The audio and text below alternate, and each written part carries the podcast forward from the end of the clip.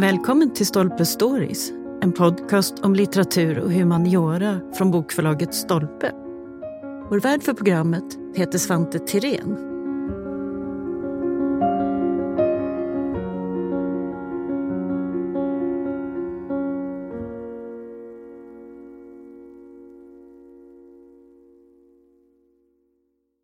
I nästan hundra år så var Jonssonbåtar en vanlig syn ute på haven.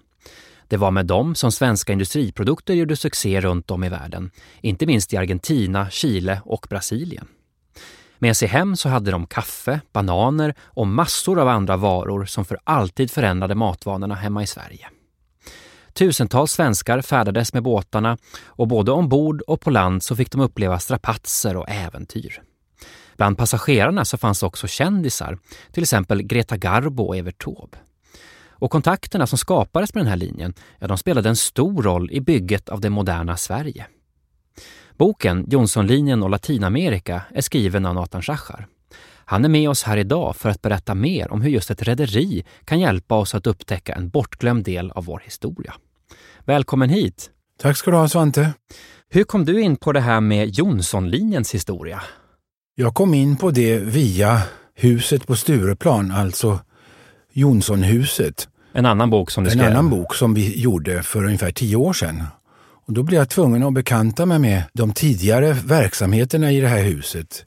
Lundbergs varuhus, NK och sen 1919 Jonsson-verksamheterna. Jonsson hade ju inte bara ett rederi utan ett järnverk och en massa andra viktiga företag. Ett stort imperium med olika verksamheter här. Och just rederiet då, för jag menar många känner ju dig som journalist och författare, du rapporterar mycket om Mellanöstern och så vidare. Men det här med båtar, sjöfart, handel, det är en historia som vi kanske inte känner till så mycket om idag. I det Stockholm där jag växte upp så var ju sjöfarten fortfarande en väldigt närvarande och levande del av vardagen.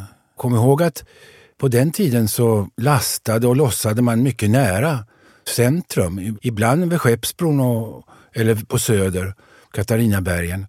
Och eh, de eh, yrkesgrupper som var inblandade, dels sjömännen men också stuveriarbetarna och varvsarbetarna. Det var bland de viktigaste yrkeskategorierna i Sverige. Mäktiga fackförbund. Sjön var närvarande på ett helt annat sätt än idag. Jag vet att du har berättat också om att du själv såg skyltfönstret på Stureplan som rederiet hade. Ja, det var ju ett gratisnöje för alla barn på 50 och 60-talet. Jonssons hade en stor jordglob, eller säga, ett segment av en jordglob som stod i skyltfönstret och där gick vaktmästaren varje morgon och flyttade på de små fartygsmodellerna som visade vart de olika fartygen befann sig på sin färd. Framförallt till Brasilien och Argentina det låter ju inte så rafflande idag, men, men på den tiden när man inte var bortskämd så var det spännande och det fanns killar som varje dag, min kollega Rolf Eriksson som har hjälpt mig med boken, han berättade att han åkte från Lidingö in med spårvagnen för att titta på fartygsmodellerna på den här Globen. Man fick som en liten glimt av världen ungefär. Ja, men du, då kan vi backa bandet här lite grann och reda ut hur det här gick till. Därför att det börjar ju med Axel Jonsson, redare och industriman. Han grundar alltså rederiet Nordstjärnan som det från början hette då 1890. Men vem var han och varför kom han in på det här med rederiverksamhet? Han var en extraordinär person som man tänker sig skulle kunna vara hämtad ur någon av de stora 1800-talsromanerna. Dådkraftig, hård, järv. Han började i små omständigheter, kom till Stockholm som mycket ung och lärde sig saker som var rätt ovanliga på den tiden. Bland annat lärde han sig engelska och så lärde han sig om de nya branscherna som höll på att slå igenom, till exempel trävarubranschen och bränslebranschen. Sverige hade ju tidigare bränt upp sin ved och sitt trä, men nu blev det sån marknad ute i världen på svenskt virke så att Sverige började istället köpa kol utifrån för att kunna spara sitt virke och sälja det ännu dyrare utomlands. Och det där blev han expert på och började i liten skala med transporter till England och Tyskland. Så man kan säga att det här med att eh, frakta med fartyg, det var egentligen en, en binäring från början som sen blev mycket viktigare för honom?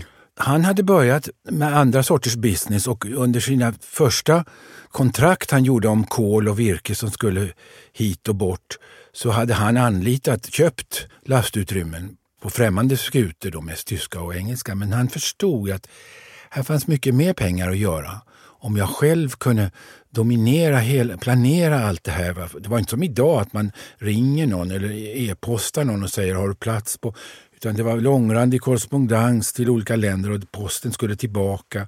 Så att den som behärskade alla leden, han kunde dels kapa åt sig en större del av vinsten och planera långsiktigt. Mm. Och det var så rederiet Nordstjärnan, senare Johnson Line, då, föddes. Du har skrivit att det var på något sätt lika delar affärsprojekt och äventyr. Ja, och det här har ju att göra med den värld som fanns då utan våra moderna kommunikationsmedel. Det här var stora våghalsiga projekt att öppna linjetrafik till en främmande kontinent som Axel Jonsson gjorde 1904. Linjetrafik det betyder att du, precis som ett tåg eller en spårvagn, du lovar att skicka så och så många fartyg på ganska bestämda datum till de här länderna så att exportörer och importörer både i Sverige eller i Brasilien och Argentina kan planera sin import och export. Och då får du hålla den tidtabellen även om du inte har några vidare laster. Så att du, som Axel Jonsson gjorde, kan gå med förlust i flera år innan du har etablerat dig. Så det är första gången man kan ha lite framförhållning med så långa avstånd? Ja, och för att det här skulle bära sig så fick han ju se till att stimulera efterfrågan. Dels på svenska varor i Latinamerika och vice versa i Sverige. Att eh, ofta då produkter som inte hade någon vidare, som folk inte kände till. Så att mycket av det som idag är så lätt med våra moderna kommunikationsmedel och elektronik, det var jobbigt. Man måste hitta människor på plats i, i Buenos Aires och i Brasilien som kunde de här branscherna, som visste hur man hanterade tullar och regeringar och kunde lagarna. Det låter ganska äventyrligt på det viset. Det var äventyrligt och det fanns alltså, 1904 så kom det till två, de två första svenska transkontinentala linjerna. Dels Transatlantic, Göteborgsrederiet som började gå regelbundet till Sydafrika och Axel Jonsson några månader senare till Brasilien och Buenos Aires. Just det, för då kommer vi in på det här med La Plata-linjen, eller hur? Som är det stora vägskälet här. Vi kan börja med att säga vad La Plata är för någonting. La Plata är utflödet av några stora, mycket stora floder. Paraná, Uruguay, Paraguay som flyter ut på Latinamerikas östra sida och vid den floden ligger många stora städer, bland annat Buenos Aires, Montevideo och en hel del mycket stora städer också längre in i floden, Paraná, Santa Fe. Och det här är år som Argentinas ekonomi expanderar oerhört fort därför att Europa som industrialiseras måste ha mera kött och mera vete. Det fanns där? Det fanns där, men Sverige blev inte delaktig i den boomen därför Sverige var ett jordbruksland där de mäktiga och de rika hade satt höga skyddstullar. Så att Axel Jonsson kunde inte göra en förmögenhet på att köra hem kött och vete som engelsmännen till exempel gjorde från Argentina. Men om man jämför då, för att Sverige då kring sekelskiftet 1900, det är precis när vi håller på att bli den här industrinationen. Hur var det i Latinamerika, Brasilien, Argentina? Låg man före Sverige eller efter eller hur ska man se på det? Å ena sidan låg man före för att man hade blomstrande ekonomier. Därför att man hade sån kopiös utförsel av, av, av kuranta råvaror, kaffe, vete, oxkött, fårkött, hudar. Så att Argentina och Brasilien byggde upp sina järnvägsnät med lånade pengar som man betal, lån som man betalade tillbaka mycket snart, till skillnad från senare argentinska regeringar. Men Axel Jonsson, han var tvungen att ta ur egen ficka under sex, sju år för att bekosta det här. Det här var ett, en hjärtesak för honom. Därför man skrev i tidningarna om honom. Han var, han var en patriot. Han hade han, det, var, här var inte bara, det var inte bara ett affärsprojekt utan det var till Sveriges ära. Man tog en risk för ja, det här? Ja visst, och ja, det fanns inte post i Argentina. Man fick skicka ett brev kanske till Antwerpen eller Hamburg och så kom, skulle det vidare med främmande fartyg och så vändande post. Det kan ju ta flera månader. Nu fanns det dels möjlighet att resa, för de här båtarna som vi talar om, de tog också passagerare. Så att eh, svenska diplomater och idrottsstjärnor och, och, filmhjältar som skulle till över havet, de åkte med, i hög grad med Jonssonlinjen. Och förutom kaffet, för det är ju ganska känt att det vill vi ha här. Är det just det här med kött och mat, är det den typen av varor som vi vill ha tillbaka hit till Sverige? Nej, därför att Sverige var så, fortfarande så tullskyddat. Utan de matvaror som Jonssonlinjen förde hem, det var sånt som ingen i Sverige producerade. Bananer, apelsiner, tomater. Det blev med tiden, några år senare när kylfartygen slog igenom, en stor sak. Men Axel Jonssons dröm det var att få del i kaffetransporterna från Brasilien till Skandinavien. Det var där de stora pengarna låg? Ja, därför att fram till Jonssonlinjen så hade allt svenskt och allt norskt kaffe körts med tyska båtar eller engelska båtar till London eller till Hamburg. Och där hade de sedan lastats om och, förts till Göteborg eller till Oslo utan att några svenska rederier fick del i den här väldigt lukrativa trafiken. Mm. Och när vi går in i en mataffär i Sverige idag så är just, som du säger, bananer, tomater, det här som vi tycker är självklart, det är egentligen den här linjen som öppnar upp för det där. Ja, det här var eh, en revolution, inte bara i fråga om kommunikationer och postgång, utan också i fråga om svenskarnas diet. Därför att eh, för 120 år sedan då det här börjar så hade mycket få, bara beresta och rika svenskar hade sett en banan eller en tomat, ännu mindre smakat någon. Och i och med industrialiseringen av Europa där många arbetare skulle upp mycket tidigt så slog kaffet igenom som en, ska inte säga livsnödvändig, men, men subjektivt nödvändig konsumtionsvara. Så att man, man högg ner skogar i Brasilien för att kunna förse Europa med kaffe. Och nu måste jag förr eller senare komma in på det här med, med kaffekonferensen. Ja, men kan du inte förklara? För en konferens tänker många, det är någonting annat idag, men det här är en stor konflikt. En konferens på den tiden, det var en sorts kartell där flera stora rederier, i det här fallet tyska och engelska, gick ihop och sa att nu erbjuder vi de brasilianska odlarna och exportörerna billiga taxor om de lovar att aldrig anlita någon annan, som ett abonnemang. Och eh, det hade kommit tidigare företag från små länder, från, till exempel från Belgien och försökt få vara med i den där konferensen och då fick de inte och då försökte de bjuda under. Men de här stora rederierna hade mer pengar så de bjöd under ännu mer.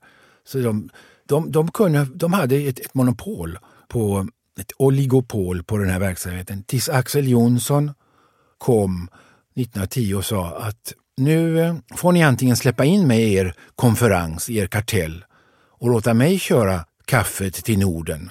Eller också så ska jag som en fribytare bjuda under er. Och Axel Jonsson hade pengar att bjuda under. Och han sa om ni inte låter mig få kaffet få köra kaffet till Norden så kommer jag att konkurrera med er om alla, allt kaffe som ska till Europa på alla möjliga trader. Och eh, hans argument var så pass övertygande så att de gav med sig och släppte in honom i den här konferensen. Och därmed så var det här projektet ekonomiskt i hamn. Så det var en stor risk att starta hela linjen från början, men sen också att ge sig in i sån där grej, det krävde nerver? Ja, och han hade starka nerver.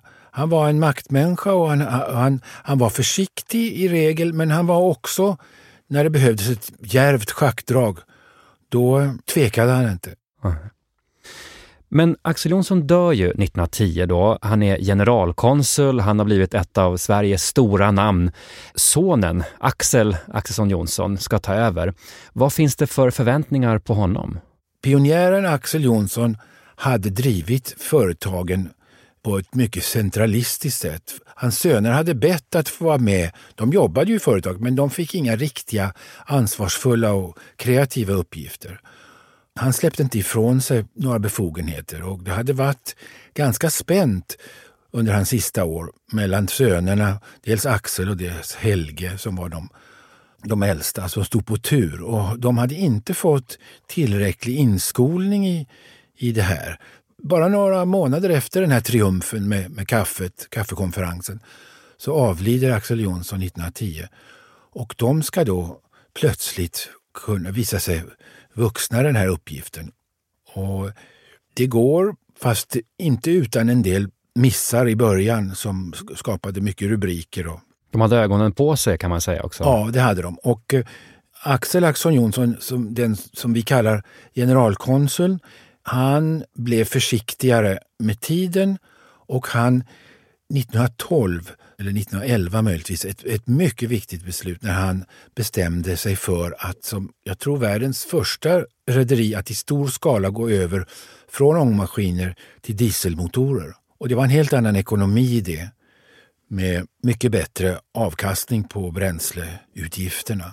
Ja, för det här är en annan del av historien. Vi har ju det här med världspolitik, höll jag på att säga, alltså hur man hade kontakter och inte kontakter och de här kartellerna och så vidare. Men ny teknik, nya banbrytande uppfinningar, det var också någonting som man var öppen för. Ja, och där var, där var Jonssons eh, mycket på alerten och de hade genom, under nästan hela 1900-talet så hade de olika Jonsson-cheferna en, en teknisk expert som var något av ett geni som hette Kromnov och han, han förstod, han, han, till exempel när, när dieselmotorn kom och eh, senare andra sorters konstruktioner också i kylteknik och, med, och nya sorters propellrar. Så att de var på hugget verkligen. Och det var också en del av Jonsson-konceptet, ungefär som Henry Ford, att järnverket skulle göra propellrarna och det rostfria stålet skulle exporteras på våra båtar till så att det var en, en mycket integrerad... Som en självförsörjningsmodell ungefär? Ja, som en, lite som, en, som ett, ett, ett rike som hade innanför sina gränser alla funktioner. Och det gick länge. Sen blev det en kris av det också långt senare på, på 80-talet. Men som sin far kan man säga att Axel Axelsson Jonsson, som också kallas för generalkonsul, vi kan ju förtydliga det för lyssnarna här, att det är alltså Axel Jonsson, grundaren, som också är generalkonsul, så det är lätt att blanda ihop här. Men han för vidare det här Järvadraget i alla fall, det är helt klart. Ja, och vi kanske skulle nämna det att det här generalkonsulandet, det var ett uttryck för ståndssamhället Sverige där man såg ner på affärsmän och på nyrika och för att kunna bli mottagen vid hovet så skulle man ha en titel. Och då kunde man försöka sig på att bli generalkonsul för något land, mer eller mindre obskyrt land. Och Jonssons de blev generalkonsuler för Siam, alltså Thailand. Och det här gällde inte bara för dem, utan en massa, lite förvånande, en massa svenska kapitalister i det här skedet har diplomatiska titlar. Och det beror på detta. Man vill bygga upp sitt renommé, sin eh, trovärdighet. Ja, och eh, i Sverige var, det, var man inte särskilt generös alla gånger mot folk som hade byggt upp förmögenheter på kort tid. Utan det var bland annat därför också som Axel Jonsson den förste ville skapa något så att säga bestående och något avgörande och historiskt. Till exempel den här linjen, även om den gick back.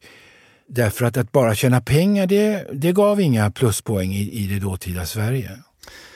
Men man kan säga att redan under första generationen så blir det ju en väldigt stor verksamhet, men det växer sig ännu större senare. Och inte minst i just Latinamerika så får ju Sverige en väldigt speciell närvaro. Kan du ge en exempel på hur märkte man av Sverige i Argentina till exempel? I början var det ju då de många fartygen och på den tiden innan någon reste så var det här exotiskt och, och, och, på den tiden före containertrafiken, om ett fartyg kom i hamn så kom också en massa sjömän i hamn. Och eh, för att de här sjömännen skulle inte tillbringa all sin tid på krogar och bordeller så byggde rederiet sjömanshem där de skulle kunna ha en trygg punkt under uppehållen i, i främmande hamnar. Och de platserna blev kända lokalt och skapade arbetstillfällen. Och senare så skapade också Jonsson produktion i, i Argentina med ett stålverk som byggdes. Och eh, argentinarna som svenskarna har, har i många generationer haft rostfria diskbänkar i sina kök. Så att Sverige var, fast Sverige var ett litet och, och, och avlägset och inte särskilt rikt land vid den tidpunkten, så var Sverige, den blågula Jonssonflaggan och de blonda sjömännen, de var ett känt inslag. Jag har i boken några exempel.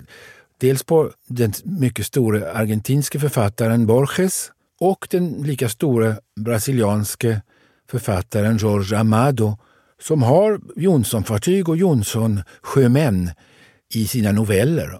Sen blev ju Sverige, längre fram under 1900-talet, så blev ju Sverige också för många latinamerikaner ett mönsterland. För vi hade, vi hade social trygghet och vi hade den svenska modellen blev känd och ibland, ibland ganska romantiserad, men dock. Så att Sverige satte sin prägel på, jag ska inte säga hela länderna, men på de stora latinamerikanska hamnstäderna. Det var inte bara varor och sjömän och produktionsfält, utan också bilden av Sverige var något som etsade sig fast. Ja, och de här fartygen, Jonssonfartygen, var ju utmärkte sig genom sin stora, nästan pedantiska renlighet och prydlighet. Så att de var skyltfönster för företaget, men också för Sverige. För det här moderna landet. Ja. Hur kände man igen ett Jonsson-fartyg? Det var ju dels den här typiska ljusgråa färgen och sen hade man mycket små skorstenar för att dieselmotorer behöver inga riktiga skorstenar som ångmaskinen. Men man hade i alla fall, för att det inte skulle se konstigt ut, så hade man skorstenar och så den blågula vimpeln som då de alltid förde. Sen eh, i varje hamn då så behövde ju Jonssons agenter och ibland var det någon svensk, men jag menar, i Buenos Aires var det ett helt kontor med 20-30 personer som arbetade hela tiden för att ragga upp frakter som man sa. För att allt tomt lastutrymme det var då en, en förlust. Så att man arbetade då månader i förväg på att se till att, att verkligen ha någonting att, att frakta. Båtarna skulle vara fyllda ja. på vägen hem. Många kanske inte känner till det idag heller, men det sägs ju att till och med kajkanter trottoarer i Buenos Aires var klädda med, ja vadå? Ja, som i Evert Taubes berömda visa. Kajerna var lagda med sten från Bohuslän i Evert Taubes underbara visa om Buenos Aires. Och det, och det en... var verklighet i detta för att eh, just av detta skäl som vi nämnde att båtarna skulle inte gå tomma så tog man med sig Även om inte profiten var stor, men sten behövde man i Buenos Aires för att i Buenos Aires så finns det runt omkring bara pampas och där finns inga stenar. Och det här var en växande stad. Stockholm har ju också kullerstenar men de är överasfalterade men i Buenos Aires finns det än idag kullerstensgator. Och det här var då de här fyrkantiga Bohusgraniten som fraktades som ballast ibland på Jonssons båtar. Och NK öppnade en filial, stämmer det? Ja, NK ja, men det är ett mått på då rikedomarna som skapades i Buenos Aires under livsmedelsexporten. Att överklassen var så pass köpstark att det kunde löna sig för europeiska lyxkedjor att öppna där på Floridagatan bland annat. En av de eleganta stråken där ja. inne. Hur var det att jobba ombord på en Johnsonbåt? Var de en bra eh, arbetsgivare? Ja, det var de. Det var strängt och det var mycket disciplin och eh, det var ofta, tyckte vissa, ganska noga med eh, rang och status och vem som åt var och vilka befäl som fick äta i vilken matsal. Och, men det här var inte bara något som Jonssons hade hittat på utan det fanns mer eller mindre på alla sådana här oceangående fartyg. En sån här skuta var ett litet klassamhälle i miniatyr, liksom Sverige var ett klassamhälle. Men eh, svåra missförhållanden som man har läst till exempel om i Harry Martinsons eller Ove Allanssons böcker där man är hårdexploaterade människor eller tvingar dem att sova alldeles intill maskinen. Och man brydde sig om de anställda och om en sjöman fick blindtarmsinflammation i Buenos Aires så kunde högste chefen i Stockholm telegrafera och säga att spara inga pengar, allt ska göras. Och eh, det var ju ofta sådana här tillbud där det var där var det ingen snålhet, fast man då var man var ingen slösaktig firma ju för övrigt. Så det var säkert ganska strängt och, hårt på många sätt, men det var en stabil och trofast arbetsgivare ändå, jämfört ja, med andra? Harry Martinsson skriver med, jag tror att det är Resor utan mål, med avund om de som hade fått in en fot hos Jonssons och kunde, kunde och, så att säga, antas där och, och jobba permanent. Men det var inte lätt. Därför att de som en gång hade fått chansen, de, de skötte sig och ville inte bli av med det jobbet. De stannade. Längre upp i fartygen då i passageraravdelningen, där fanns det ju ganska många kändisar, ibland i alla fall. Vi har redan nämnt Evert Taube. Hur hamnade han på ett Jonsson-fartyg? Evert Taube är ju i sin diktning en del av det här lite speciella förhållandet mellan Sverige och Argentina. Därför att ungefär samtidigt som Jonssonlinjen slog igenom och blev känd och förde länderna samman kommersiellt så blev ju Sveriges mest älskade trubadur en person vars flesta eller många visor utspelar sig i Buenos Aires eller på Pampas. Så att svenskar i gemen, Evert Taube var så omåttligt populär. Svenska kulturarvet så att säga, kom att omfatta också äventyren på Pampas som Evert Taube beskriver. Men var det så att första gången så arbetade han ombord på en båt? Han var på några fartyg mycket tidigt i livet. Jag tror han var 16-17 därför han var ja, han skötte sig inte i skolan. Och, och som, det var mycket vanligt, både bland rika och fattiga, att de hade någon ung person som inte riktigt motsvarar förväntningarna så fick han gå till sjös. Som var lite den standardlösningen på den tiden. Man, Ja. Bråkmakare skickar man till havs. Och Evert Taube hamnade på det viset i Argentina. Och i Argentina så blomstrade han. Han blev uppsyningsman på ett av de här stora kanalbyggena som är, var en förutsättning för uppodlingen av pampas. Därför att eh, det regnar mycket och om man nu har investerat mycket i kor och vete så måste man ha lösningar när skyfallen kommer. Så han basade därför Argentina var ju ett immigrationsland så att han hade en massa fattiga italienska peoner som han bestämde över och med mycket ung ålder och lärde sig tala spanska som de gör på Pampas och lärde sig spela gitarr. Och, så att eh, han stannade i Argentina i rätt många år och, så, och lämnade Argentina 1914 när världskriget kom för då skulle alla hem till sina länder för man trodde de skulle värvas och sättas in i, i världskriget. Men man, så att när Evert Taube skulle senare i livet resa till Argentina, vilket han gjorde då och då, då bestämde generalkonsuln att han skulle få den så kallade redarhytten som var den lyxigaste av alla. Och eh, han skulle skämmas bort men med det förbehållet att han skulle inte få öppet spritkonto. För där gick gränsen. Så att eh, Evert Taube är, är med, han är en del av det, det svensk-argentinska projektet som Jonsson startade. Han börjar som skeppspojke men blir så att säga en av våra mest folkkära artister någonsin då och får till och med redarhytten. Det är flera andra konstnärer och andra som också får åka med de här båtarna men en till passagerare måste vi nämna också. Det är ju Greta Garbo. Kan du kort säga vad hon gjorde för resa? Nu är jag inte helt säker på vilket år det var, men hon var redan världsberömd. Hon hade varit av någon anledning i Sverige en tid. Och nu skulle hon tillbaka och det gällde då att, för hon var så skygg och det var känt att om, om sådana här celebriteter av den kalibern kom till en hamn då, då kan det bli farliga folksamlingar. Så att man höll det här hemligt. Och jag, jag vet att Jonsson har i sitt arkiv en, en biljett som är Garbos biljett. Men den är utställd i ett annat namn till någon Mr Newcomb eller något sånt där. Så att man försökte hålla det här hemligt.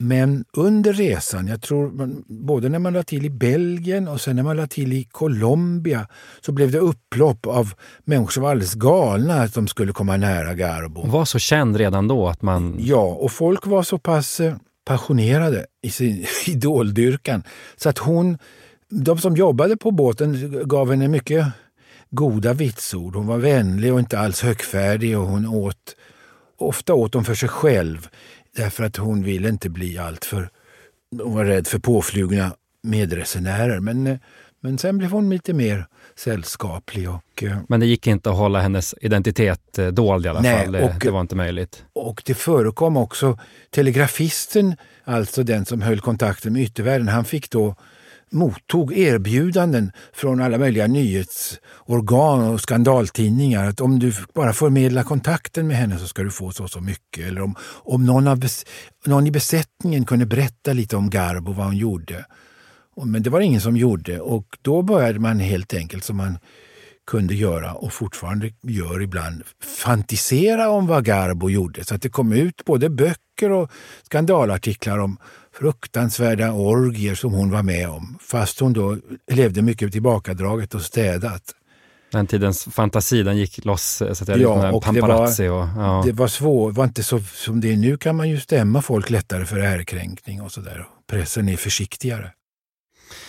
Rederiet är ju med om två stycken världskrig också, både första och andra världskriget. Och det kommer hem väldigt sorgliga telegram hem till kontoret i Stockholm. Vad är det man upplever? Alltså det var både under första och andra världskriget så praktiserade ju Tyskland det så kallade oinskränkta ubåtskriget.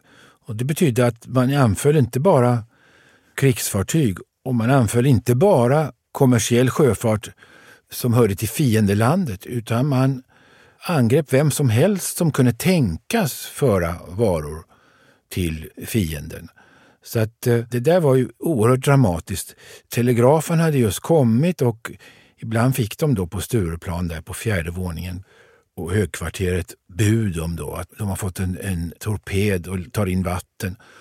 Dels var det, var det dramatiskt och allvarligt för rederiet och en tragedi för de drabbade sjömännen. Men det var också, det förstörde ju Sveriges försörjning därför att de här båtarna, dels om de sänktes men också om de ställde in avgångar för att det var farligt eller för att de inte släpptes förbi. Det var inte bara Tyskland utan det var ibland så att engelsmännen spärrade. För de, ville, de kunde också oroa sig för att de svenska båtarna förde saker till Tyskland. Så att det blev ju nästan hungersnöd i Sverige 1917-18. Så det var både olyckorna ute till havs men också hemma i Sverige. Det märktes verkligen, krigets fasor. Ja, för att eh, då som nu så 80, ja, nej mer, 90 procent av allt det vi konsumerar kommer ju sjövägen. Och då ännu mer. Och under andra världskriget ännu fler Jonsson-fartyg som antingen träffades eller sänktes och några gick ju under med, med man och allt. Stora tragedier. Men eh, Sverige var ju väldigt lyckligt lottade kan man säga i bägge krigen därför att vår ekonomi ändå och vår industri hade inte bombat sönder och, och kom tillbaka snabbt. Och, och de här länderna som var Jonssonlinjens viktigaste handelspartners, Brasilien, Chile, Argentina, de var inte heller förstörda. Och de var fulla med råvaror som Europa ville ha. Jonssonlinjen gick ju inte bara med mat till Sverige utan de gick i hög grad med mat från till exempel Argentina till Antwerpen, Rotterdam, andra hamnar, andra länder som hade färre tullmurar. De är delar av ett stort internationellt eh, handelsnät så att säga. Ja, och eh, sen, sen kom Sverige kom igen tidigt efter världskrigen. Efter andra världskriget så hade vi ju till exempel våra varv kvar. Varv hade ju varit en sån sak som man på bägge sidor hade försökt bomba sönder.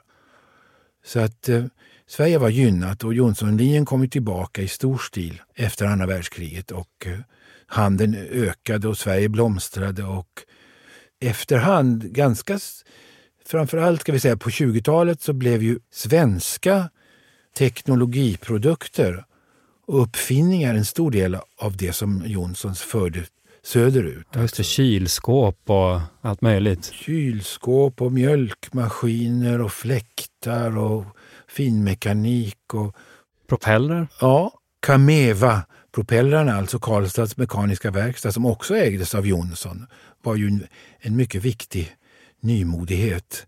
Det berättar, jag tror, kapten Olander i boken att det var, där hade man mycket bättre kontroll över manövrerna. Med den här. till fjäder i hatten när det gäller att ligga i front här på det tekniska. Efterkrigstiden är ju lite av en blomstringsperiod både för svensk industri men också rederiet går ju väldigt bra där. Men så kommer vi till 1960-talet som en till sån här vändpunkt. Containertrafiken gör sitt intåg. Vad är det för någonting? Alltså, de äldre av oss minns ju hur det såg ut i, hamnar, i hamnarna på den tiden. Ett myller av gubbar med skottkärror eller en säck på axeln på små landgångar upp och det tog, tog sin tid att tömma och, och fylla ett lastrum på den tiden. Och eh, sen då på 60-talet så kom containern och det var ju en, en revolution. Därför då kunde man lasta någon helt annanstans, i en fabrik och så köra den här behållaren, containern, till hamnen med, med tåg eller, eller lastbil och sen med en kran lyfta in den och stuva de här ovanpå varandra som, ja, som ett lego. Och det här det betydde att Jonssons byggde om en hel del fartyg. De skar av dem på mitten och, och förlängde dem och, och gav dem plats för containers. Och eh, sen byggde man egna containersfartyg Men det här var en revolution inte bara för Johnsons utan hela sjöfarten behövde ju då plötsligt mycket mindre folk. Det här var ingenting som hade kunnat knäcka Johnsonrederiet utan det, det som hände samtidigt med containerrevolutionen var något annat som var farligt. Nämligen att FN bestämde att tredje världens länder skulle få andelar i den internationella frakten. Så att tidigare så hade ju både argentinare och svenskar anlitat Johnsonlinjen för den var bäst. Men nu kom det bestämmelser om att 40 procent eller 60 procent av handeln skulle skötas av inhemska. Och då, ja, då kom det till statliga rederier i Argentina och, och Brasilien och ofta vanskötta. Men eh, de började gå och de, de gav dålig service. Och, alltså de icke, ska vi säga, icke inhemska rederierna i eh, till exempel Argentina, de fick så små andelar av frakten. Så att det här började bli mycket ansträngande ekonomiskt. Så även om man var tidig med den här övergången till containertrafik, man byggde om fartyg, det var stora strukturomvandlingar på gång och det klarade man inte? Nej, och de här bestämmelserna, är ju, vissa av dem är fortfarande i kraft. Så att, eh, det här var ju ingen god idé, men det, var, det låg i tiden. För man skulle, tredje världen skulle hjälpas fram och det var under avkoloniseringen och de här länderna sökte efter inkomstkällor och sysselsättning. Så att, eh, man kan säga så här att Johnsonlinjen lades ner, inte för att den hade egentligen misslyckats, utan därför att omständigheterna blev sådana så att det här var inte längre realistiskt. Nej. Efter nästan hundra år så lägger man till slut ner all sjötrafik. Vad, vad är dödsstöten? Vad är det sista som gör att man faktiskt lägger ner? Man får tänka på att Jonsson har så många andra näringar och branscher som de är invecklade i. Och eh, många av dem går bra, men under 80-talet så går allt fler av dem dåligt och förlorar pengar. Och tidigare så har man ju då, även när sjöfarten har gått sådär, kunnat... För det här är ändå, kan man säga, det eh, är baneret för hela konglomeratet, rederiet, familjens stolthet och Jonssons stolthet. Men nu blir det här allt för, det blir för en stor börda. Och de andra näringarna tjänar inte in så mycket så att det skulle täcka att i evighet betala det här underskottet. Det är som ett stort pussel där man måste lägga hela tiden och till slut så ja. håller kalkylen bara inte. Ja, och Jonssons får ju under de här krisåren i mitten på 80-talet sälja av en väldig massa fastigheter och, och, byggnader och näringar och fabriker och busslinjer och allt vad de hade. Så att det blev så dramatiskt. Det sägs att den här företagschefen Magnusson en gång sa till eh, familjens dåvarande överhuvud Bo Jonsson att nu är det så pass kärvt att vi måste sälja också huset på Stureplan. Det gamla kontoret som ja. han haft. Och då sa Bo Jonsson att du har fått fria händer att sälja allt, men där drar jag gränsen. Och idag så är ju Jonssonhuset kvar på Stureplan. Alla äventyr har sitt slut, men man vill ändå spara no någon liten del. Idag så är det ju inte så många som förstår det här med hur sjöfarten har präglat våra liv, våra städer, nu vet, hamnar fulla med... Alltså, vad hoppas du att vi ska ta med oss från den här historien som många inte känner till? Man får en glimt av hur annorlunda folk levde. Att nästan ingenting av det vi tar för givet nu fanns när det här började år 1904. Resande var en lyx. Bland annat därför var det så attraktivt för många att gå till sjöss. Då fick man ju se världen. Vårt kosthåll i Sverige var ju eh, verkligen påvert. Menar, grönsaker det var i stort sett det som vi kunde odla om somrarna och så några saker som man kunde... Potatis kunde man spara i en källare och några, lägga in några gurkor i ättika, men det var inte mycket. Så att det här att vi nu kommer till ett snabbköp och så ser vi all världens frukter uppradade av alla färger från alla möjliga länder. Det skulle ha tett sig som en ett himmelrike för dåtidens svenskar. Och eh, det kan man se på Jonssons affischer också, att där finns mycket bananer och druvor och, och sydfrukter och, och godsaker som eh, den här branschen för, förknippades med, det som vi kallade då kolonialvaror. I arbetet med den här boken så har du ju intervjuat flera gamla kaptener och sjömän och andra. Vad är det för historier de kan berätta? Alltså som vi har nämnt så rör det sig om en nästan försvunnen värld. Och en värld som inte riktigt finns att spåra upp på bibliotek och i arkiv. Så att för mig har det varit avgörande att jag har kunnat intervjua så många av dem som var med då. Dels Jonsson-direktörer som skötte planeringen på Stureplan, dels befäl, sjömän, matroser och andra som har jobbat på fartyg. Det vimlar av anekdoter i den här boken och, och det är det mest läsvärda. Ett tidstecken är ju det att under arbetet så har de flesta av dem jag intervjuade avlidit. Mm. Därför att det här är så länge sedan och de här människorna har hunnit bli så gamla så att eh, jag kan säga, vi gjorde den här boken i elfte timmen. Det var verkligen sista stund som det gick att fånga det här. Och det visar väl kanske också hur viktigt det är att vi intresserar oss och faktiskt sparar det här för eftervärlden. Ja, jag har de här intervjuerna inspelade och vi ska försöka få in dem på, till arkivet i Engelsberg så att de finns tillgängliga. Det finns definitivt fler saker att berätta. Ja, men stort tack för att du kom hit Nathan. Tack ska du ha Svante.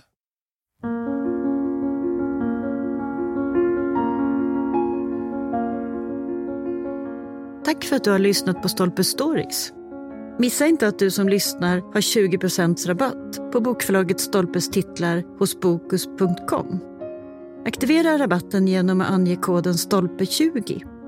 Och för att lyssna på fler avsnitt, följ oss där poddar finns och på sociala medier.